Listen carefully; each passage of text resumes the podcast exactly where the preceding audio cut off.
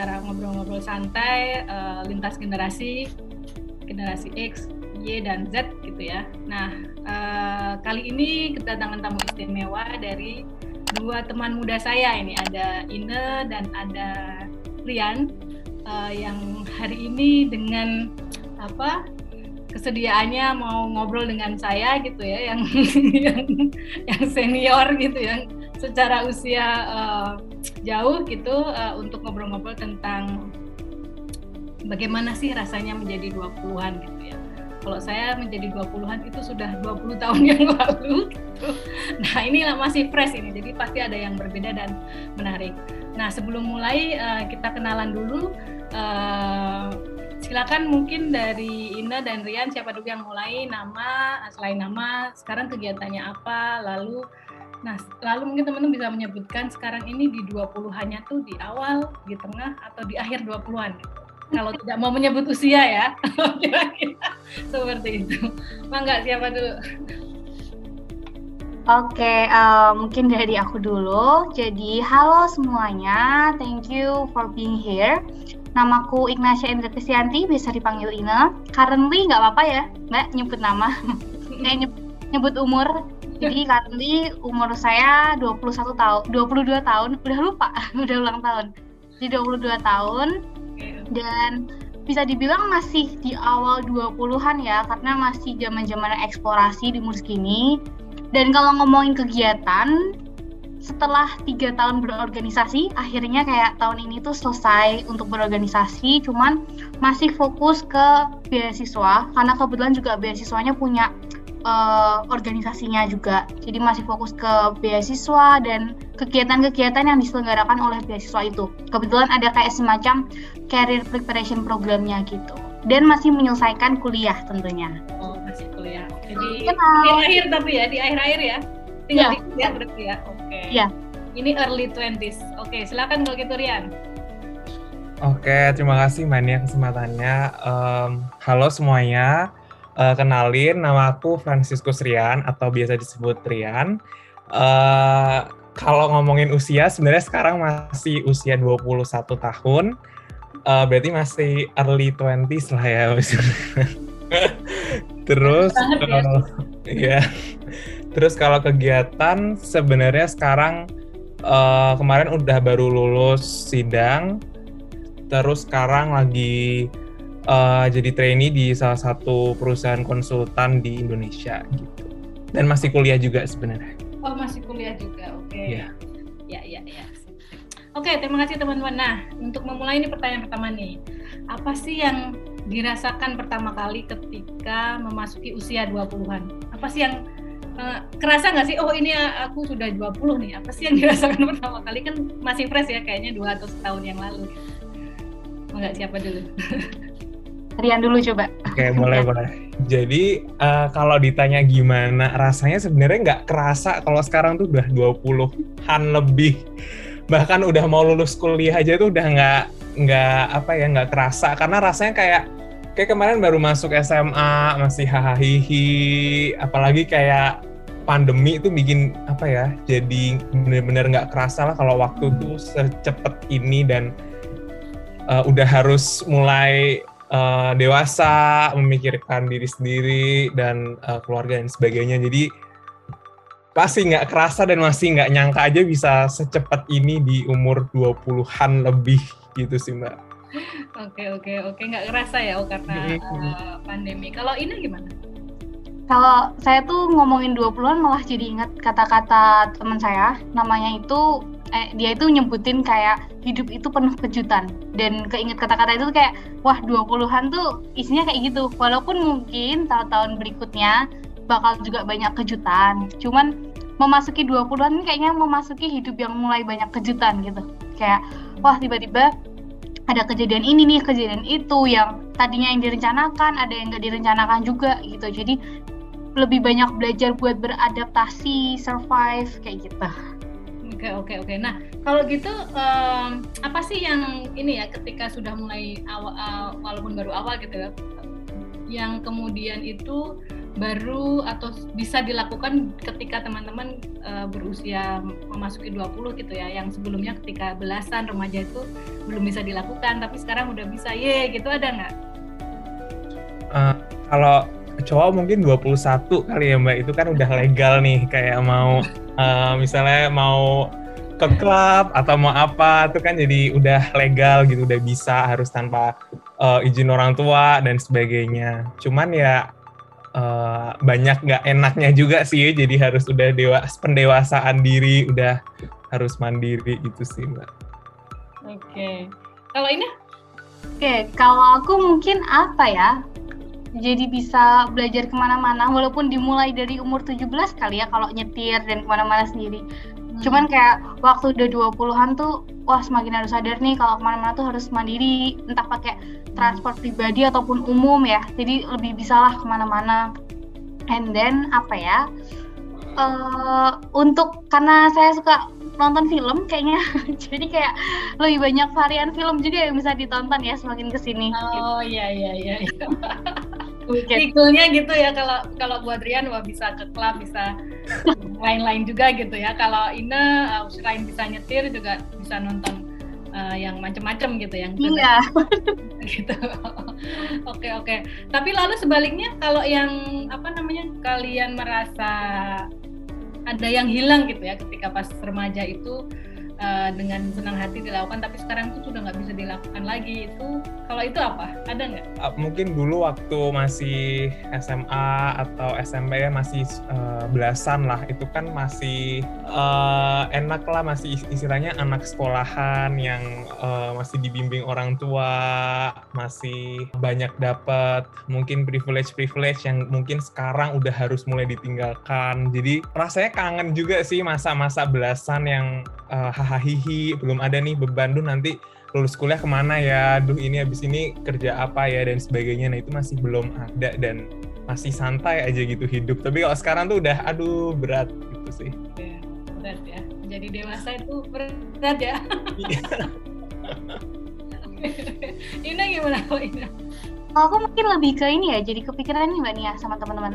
Uh, kalau misalkan di usia sekarang, itu jadi kayak mikirin yang kita lakuin itu ngebawa nama apa aja sih gitu.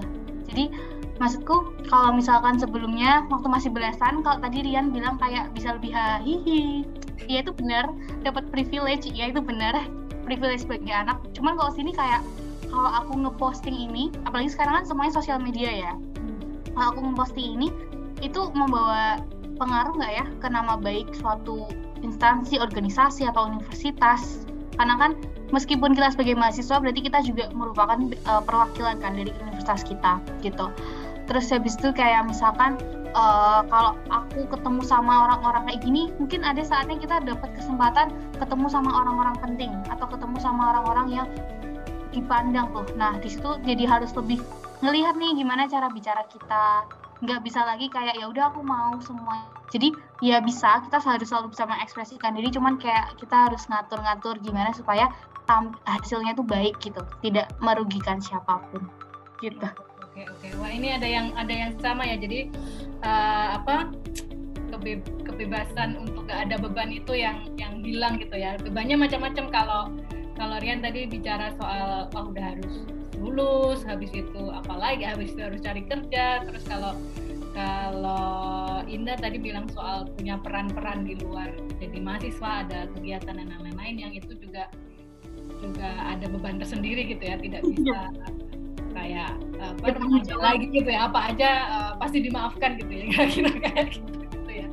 Nah ini menarik nih. Nah kalau kalau buat Rian dan buat Ina di titik mana gitu ya kan ini sangat personal pasti ya di titik mana kalian merasa ini emang mulai berbeda gitu? Eh, ketik mungkin ketika pas ada apa kejadian apa atau ada event ada apa atau apa sih yang waktu itu ini ya rasanya tik apa oh ini kayaknya aku udah udah nggak kayak bisa kayak dulu lagi tuh pas apa? Kalau masih jadi kalau di saya tuh kejadian yang ngebuat kayak wah kayaknya nggak bisa balik lagi nih ke masa lalu bisa lagi nih balik ke kayak kayak dulu lagi itu aku lebih ke waktu kehilangan papa sih. Karena kan sebenarnya waktu itu waktu kayak kehilangan papa itu kan aku masih menjabat di organisasi gitu. Dan waktu aku menjabat di organisasi itu aku kayak apa ya aku membawahi beberapa bidang juga gitu istilahnya. Nah dengan aku membawahi beberapa bidang berarti aku punya tanggung jawab yang lebih besar tapi di lain sisi ternyata di sisi keluarga aku juga punya tanggung jawab lagi karena kehilangan papa gitu. Nah dari situ gimana sih rasa gimana sih supaya aku tuh bisa tetap dewasa bisa tetap beradaptasi di lingkungan keluarga tapi juga tidak melepas apa yang udah aku ambil dari awal di organisasi di kuliah di beasiswa juga karena ada program-programnya gitu. Jadi situ ngerasa kayak lebih kalau ada masalah kalau ada kendala tuh harus lebih jangan nyerah dulu lah. Mungkin terkesan klise ya cuman kayak daya juangnya emang harus lebih tinggi lagi walaupun sekarang juga masih belajar buat itu gitu masih lah kadang-kadang ingin nih jadi anak muda yang uh, ngeluh-ngeluh aja gitu. Cuman kan karena kondisi uh, harus kehilangan seseorang yang sangat penting di hidup gitu, jadi harus dikurangin ngeluhnya, harus dibanyakin uh, beraninya gitu. Mungkin itu. Ya, ya, ya. Kalau Rian gimana? Kalau aku sebenarnya uh, waktu masuk awal kuliah tuh udah mulai mulai kerasa, aduh kok kayaknya uh, agak udah beda ya dari zaman-zaman sebelumnya SMA atau SMP yang ya tadi aku bilang kayak masih hahi. Tapi waktu udah masuk kuliah apalagi mungkin udah semester 3, 4, 5 tuh mulai nih kerasa yang namanya insecure itu udah kayak udah uh, kerasa banget. Uh, kok ternyata uh, persaingan tuh sekarang uh, ketat banget. Terus um, apa ya semua orang tuh uh, benar-benar kompetitif.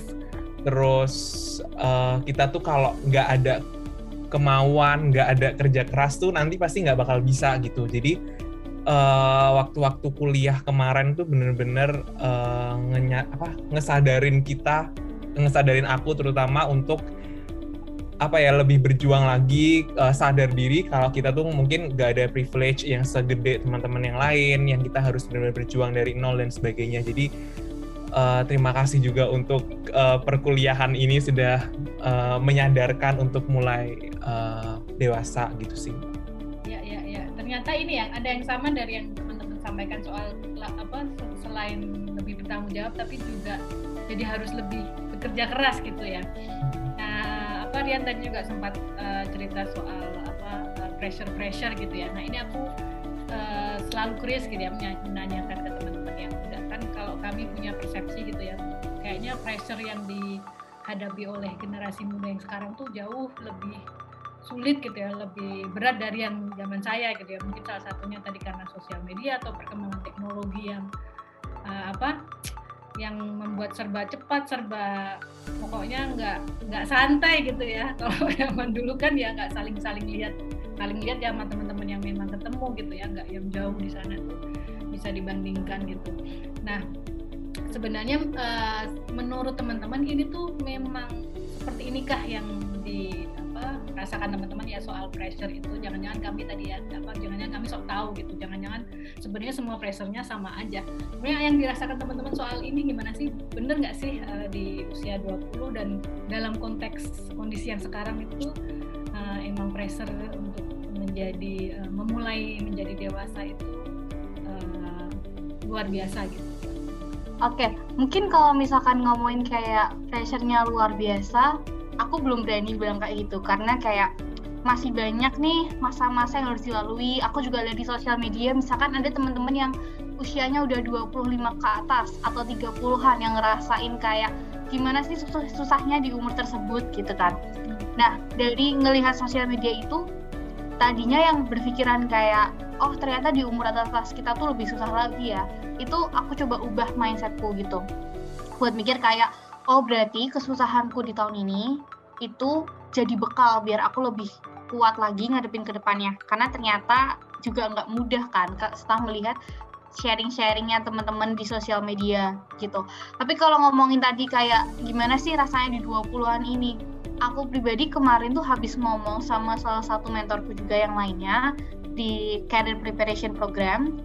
Terus kayak aku cerita gimana sih rasanya kayak insecure misalkan ngelihat teman misalkan teman aku udah jadi uh, di manajemen trainee nih atau udah ada di company tertentu terus kayak oh aku masih di sini misalkan masih di titik yang berbeda mungkin ada perasaan kayak uh, bukan jealous ya jadi kayak aku tidak selalu ingin posisi orang lain.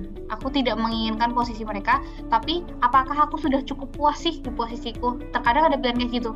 Apakah aku harus mengejar mereka atau aku cukup ya udah jalan aja di ruteku sendiri. Jadi pasti ada perasaan bimbang yang ngebuat umur 20-an ini kalau sering disebut tuh galau-galau gitu.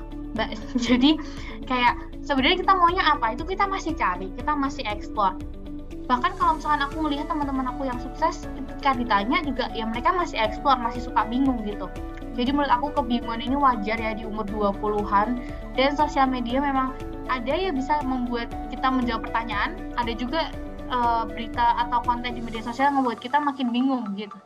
Jadi gimana sih pinter-pinternya umur 20-an ini menurut aku ya? Itu kayak gimana pinternya kita itu untuk bisa mengenali diri kita gitu sambil nge-explore.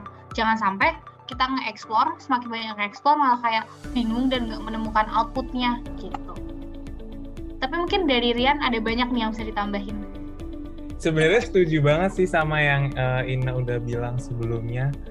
Uh, apa ya justru di uh, karena sosial media karena uh, exposure dari mana-mana uh, ya dari teman-teman kita tuh membuat kita tuh jadi uh, pressure tuh pasti ya. Pressure tuh pasti tidak terhindarkan ngelihat orang yang lebih sukses ngelihat orang yang kayak duh kok pengen ya? Kayak gitu. Duh aku bisa nggak ya kira-kira? Nah cuman uh, benar kata Ina tadi sebenarnya mending kita memikir diri kita sendiri apakah kita tuh ingin bener-bener jadi sesuatu yang kayak gitu atau mungkin kita tuh memang ada passion di tempat yang lain. Jadi kita harus sebisa mungkin tuh tahulah apa yang kita pengen. Jangan kayak misalnya uh, ngelihat orang banyak ini itu ini itu kok kayaknya masuk ini masuk itu kerja di sana kerja di situ kayaknya kok seru ya. Tapi kan kita nggak tahu itu cocok buat kita atau enggak. Jadi sebenarnya kalau pressure tuh pasti gitu, cuman semakin ke sini tuh semakin mikir ya udahlah dijalanin aja yang sekarang berusaha maksimal dan uh, semakin menggali-gali lagi sih. Mungkin kita pengen A nah kita untuk bisa sampai ke A tuh kita harus ngapain? Kita harus prepare dari A sampai Z-nya biar kita bisa uh, mencapai ke goal A atau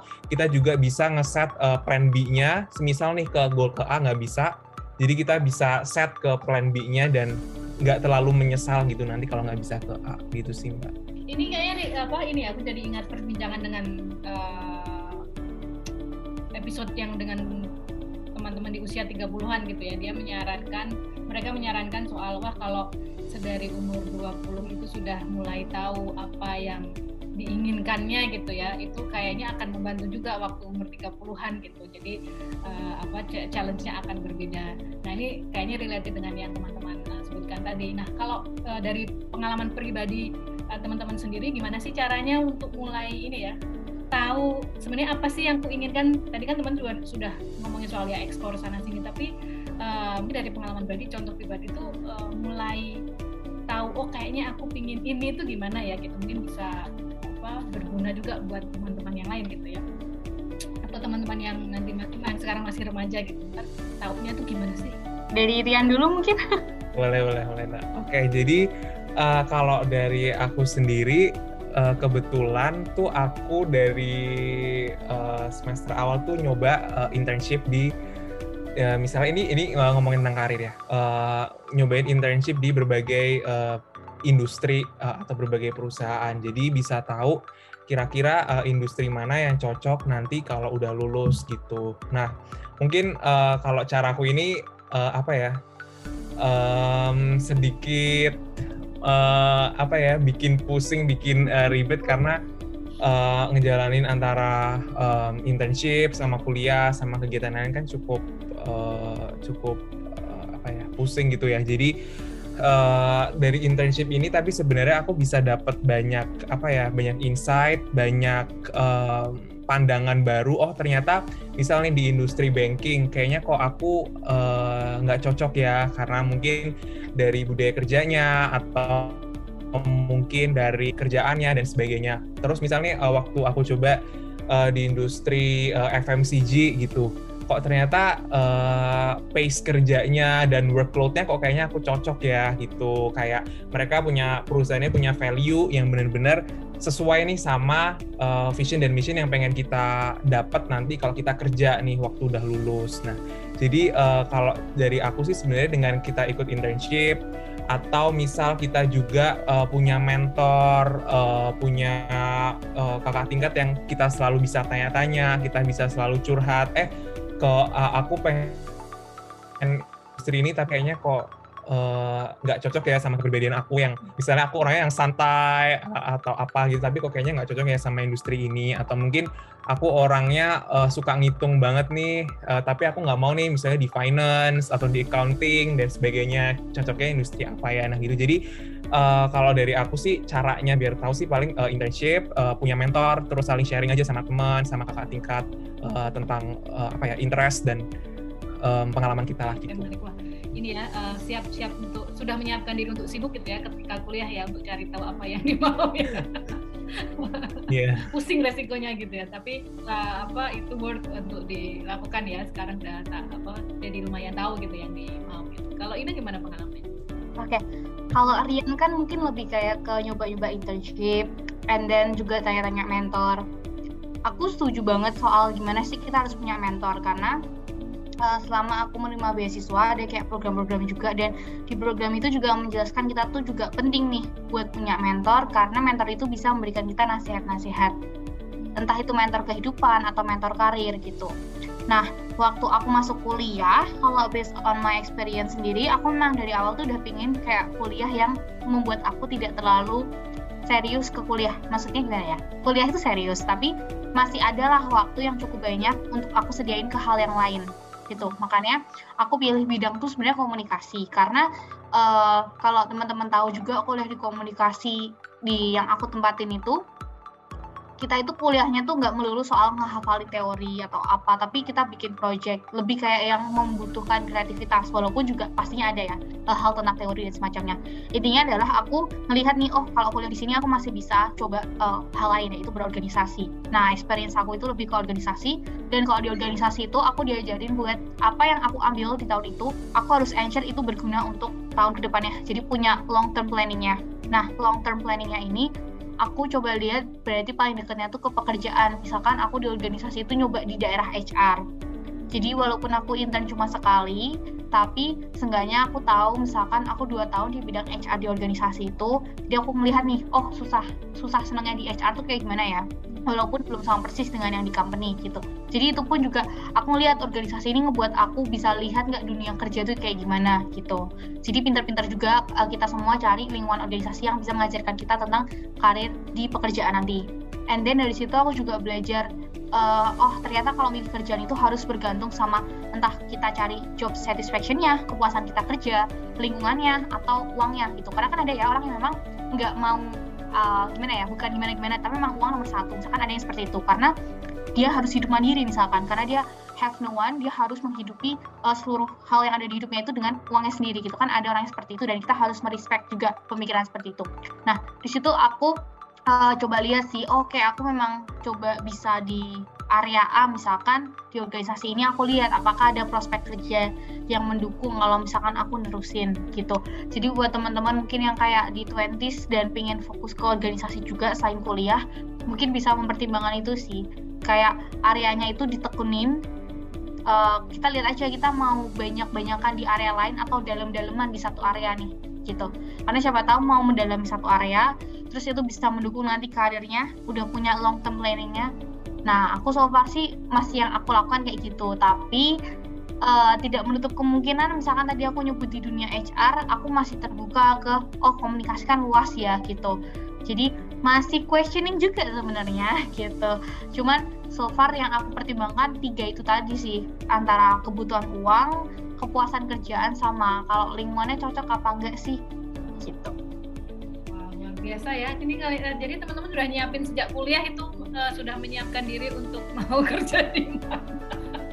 Sama ini sih Mbak tadi organisasi kata Ina bener banget sih Mbak karena kayak itu penting banget kayak kita bisa uh, tahu dinamika uh, berhubungan sama orang lain yang profesional tuh gimana misalnya uh, di kepanitiaan atau organisasi itu kita ada event dan sebagainya kita benar-benar dilatih nih untuk uh, misalnya handle project dan sebagainya itu penting banget sih betul. Iya iya. Jadi eksplorasi yang teman-teman ceritakan di awal itu bisa banyak gitu ya ragamnya gitu ya tidak hanya uh, di apa kuliahan sehari-hari ada organisasi bahkan juga mulai kerja juga bisa gitu ya sejak kuliah.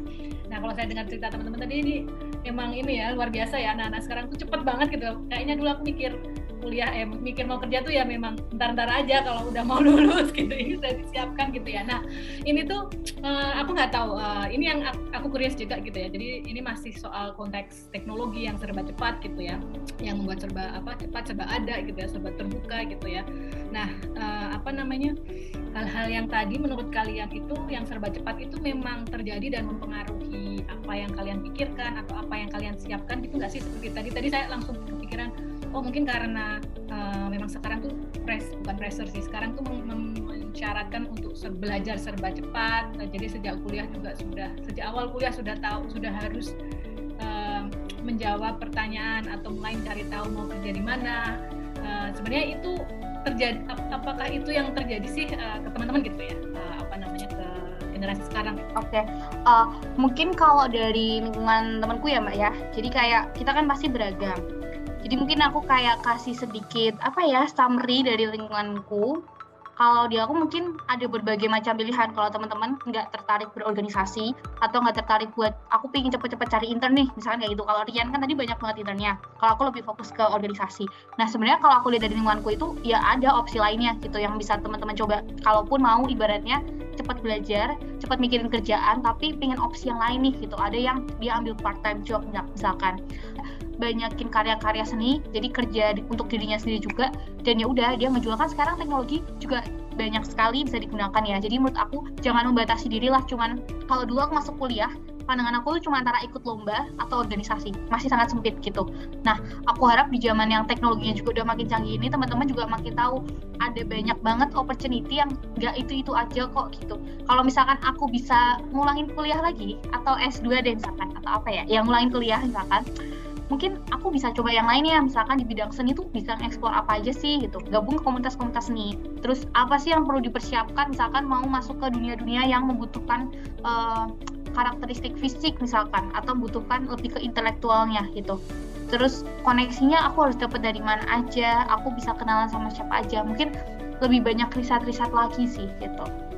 Mungkin dari Rian bisa nambahin sebenarnya bener setuju uh, banget sama yang uh, Ina udah bilang kayak uh, apa ya dengan perubahan yang cepat gitu ya uh, teknologi dan sebagainya itu justru uh, banyak uh, hal atau opsi yang mungkin dulu tuh nggak nggak uh, kita pikirin kayak contohnya di Ina bilang uh, part time atau seni dan sebagainya. Nah kalau menurut aku sebenarnya uh, dengan perubahan teknologi apalagi di masa pandemi ini ya benar-benar semua tuh serba dinamis semua tuh bisa kita lakuin. Uh, misalnya yang awalnya nih kita nggak bisa yang namanya uh, mungkin uh, kuliah sambil kerja sambil uh, bisnis sambil uh, ngajar sambil apa dan sebagainya itu sekarang tuh bisa semuanya tuh dijadiin satu. Karena uh, kita lebih fleksibel kita lebih dinamis uh, dengan bantuan teknologi uh, kan banyak nih uh, orang tuh yang bilang uh, double device, triple device. Jadi kayak dalam satu waktu tuh kita bisa sampai tiga device untuk uh, ngehandle semua kesibukan yang ada gitu. Uh, nah itu sebenarnya pinter-pinternya kita dan uh, tergantung kita masing-masing uh, mau gimana. Apakah kita mau bener-bener yang kayak gitu, yang bener-bener mau triple device, uh, maksimalkan semua waktumu yang ada dalam satu waktu untuk mengerjakan semuanya. Jadi kayak ibaratnya tuh uh, efisien tapi juga ya itu nggak uh, bagus juga karena kan uh, untuk quality tiap-tiap uh, yang kita lakuin jadi menurun karena kita kebagi fokusnya. Cuman uh, tidak bisa dibungkiri dengan uh, teknologi tadi ya perubahan yang sangat cepat tuh ya kita memang nantinya uh, apa ya dituntut untuk lebih uh, dinamis uh, dengan uh, yang tadi udah aku bilang misalnya uh, dengan triple device kan berarti orang-orang uh, justru semakin kompetitif, orang semakin uh, bisa melakukan lebih banyak hal, mengeksplorasi uh, dalam waktu yang lebih cepat. Jadi mau nggak mau kita juga menurut aku sih harus uh, dinamis dan agile juga untuk uh, menyesuaikan itu, tapi disesuaikan dengan pace dan uh, kemampuan tiap-tiap orang gitu sih mbak. menarik nih. Aku juga tadi sebenarnya mau nanyain soal ini. Jadi sebenarnya yang hmm. menyenangkan dengan hidup uh, dengan support teknologi yang seperti ini itu mungkin salah satunya tadi ya. Oh, sekarang jadi banyak opsi yang tidak terpikirkan, banyak opportunities gitu ya. Nah, ada lagi nggak uh, teman-teman mungkin yang lebih lebih ringan gitu. Sebenarnya yang menyenangkan dari apa uh, teknologi ini uh, apa sih buat teman-teman tadi satu kan ada apa sisi apa dua sisi mata uang gitu ya ada pressure tapi juga opportunities juga gitu ada yang lain ya yang uh, menyenangkan gitu ya dengan adanya apa kemajuan teknologi atau sosial media bahkan gitu ya buat di usia 20-an ada nggak Dian? Ada sih harusnya. Kayak misalnya contoh nih kalau sekarang kan uh, uh, semuanya serba zoom ya serba uh, digital. Jadi kita misalnya ketemuan sama teman yang dulu misalnya uh, dari berbagai kota gitu kita harus ketemuan di satu tempat.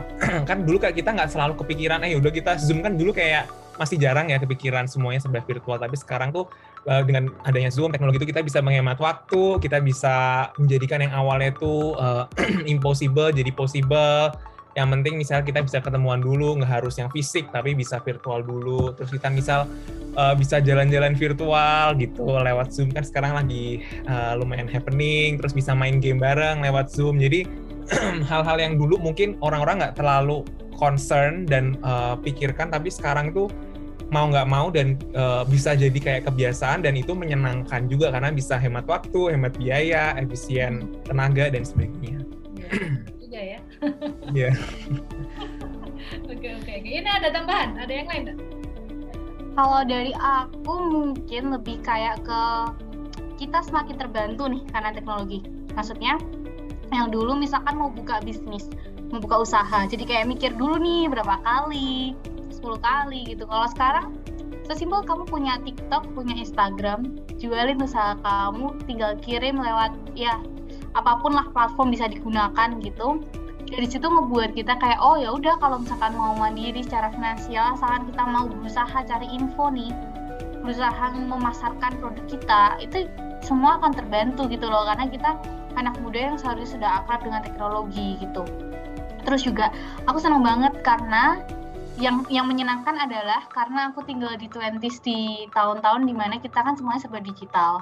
Dan aku ngerasa apresiasi seni di bidang digital tuh semakin tinggi gitu jadi ngomongin seni tapi nggak apa-apa lah ya. Maksud aku adalah misalnya kayak aku senang nih ngelihat uh, TikTok itu ada kayak penghargaannya sendiri untuk kreator-kreatornya mereka. Menurut aku itu salah satu bentuk apa walaupun aku bukan anak-anak TikTok yang suka yang suka bikin video di TikTok belum lah ya. Tapi aku senang karena ada usaha mengapresiasi itu. Terus aku juga suka ngeliatin misalkan sekarang film-film kan banyak banget yang ada di bioskop online Indonesia Netflix dan berbagai macam platform lah buat nonton. Terus dari situ juga tetap ada penghargaannya gitu. Dan aku ngeliat di sini apresiasi bukan hanya terhadap seni ya tapi apresiasi terhadap berbagai bidang itu juga jadi semakin tinggi gitu. Karena kan uh, kayak lebih mudah karena ada platformnya itu tadi. Gitu sih mungkin